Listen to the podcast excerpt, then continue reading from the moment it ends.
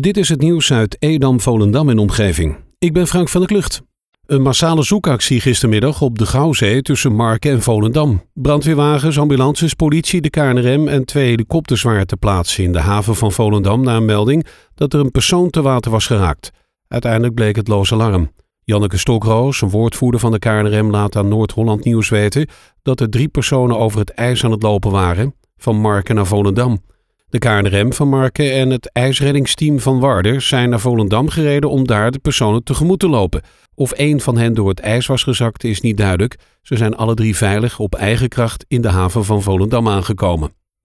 Afgelopen dagen is er weer heel erg veel overlast geweest in het middengebied van Volendam. Buitenspelen mag, sneeuwballen gooien mag ook, maar bij vernielingen en mishandeling wordt er toch echt een grens getrokken. Er zijn door de politie al elf bekeuringen uitgeschreven.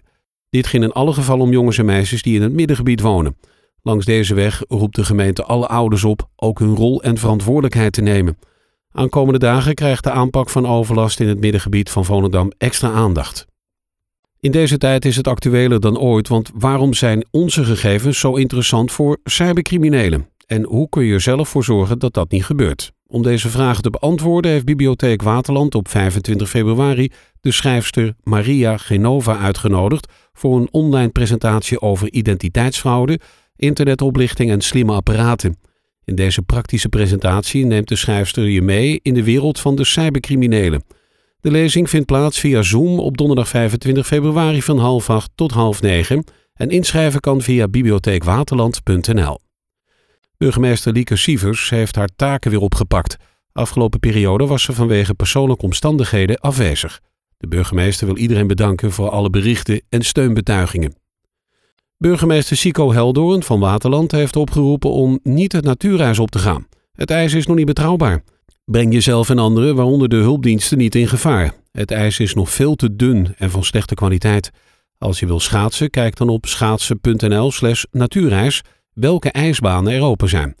Kom dus niet naar Waterland om te schaatsen, het ijs is niet veilig genoeg. In verband met het winterse weer zijn de geplande werkzaamheden voor herbestrating van het hofje Cornelis Dirkszoonlaan in Monnikendam tot nader order uitgesteld. In de voorjaarsvakantie organiseert Team Sportservice Zaanstreek Waterland de Bosspelen van Ilpendam. Deze spelen worden met inachtneming van de coronaregels georganiseerd. De jeugd uit de gemeente Waterland kan hier aan meedoen. Op woensdag 24 februari wordt om 10 uur in samenwerking met rugbyclub Waterland rugbyclinics gegeven en levend stratego gespeeld. Alle kinderen uit groepen 4 tot en met 8 zijn uitgenodigd, maar moeten zelfstandig naar de activiteiten komen. Meer informatie is te vinden op noordhollandactief.nl. Don Bijl is opnieuw voorgedragen als burgemeester van Purmerend. Hij zal zijn volledige ambtstermijn niet uitzitten, want in 2022 gaat hij met pensioen. Bijl schrijft op Twitter dat hij vereerd is en blij dat hij de fusie tussen Beemster en Purmerend mag afronden. Don Bijl is nu al twaalf jaar burgemeester van Purmerend. De ambtstermijn van burgemeester Bijl loopt af in juli 2021. Vorig jaar liet hij al weten in te zijn voor een nieuwe termijn. De Purmerendse Raad gunt hem die ook. De schaatsbaan aan het Trimpad in Purmerend is gisteren opengegaan. Eén gedeelte in de achterbaan wordt door de zon wat zacht.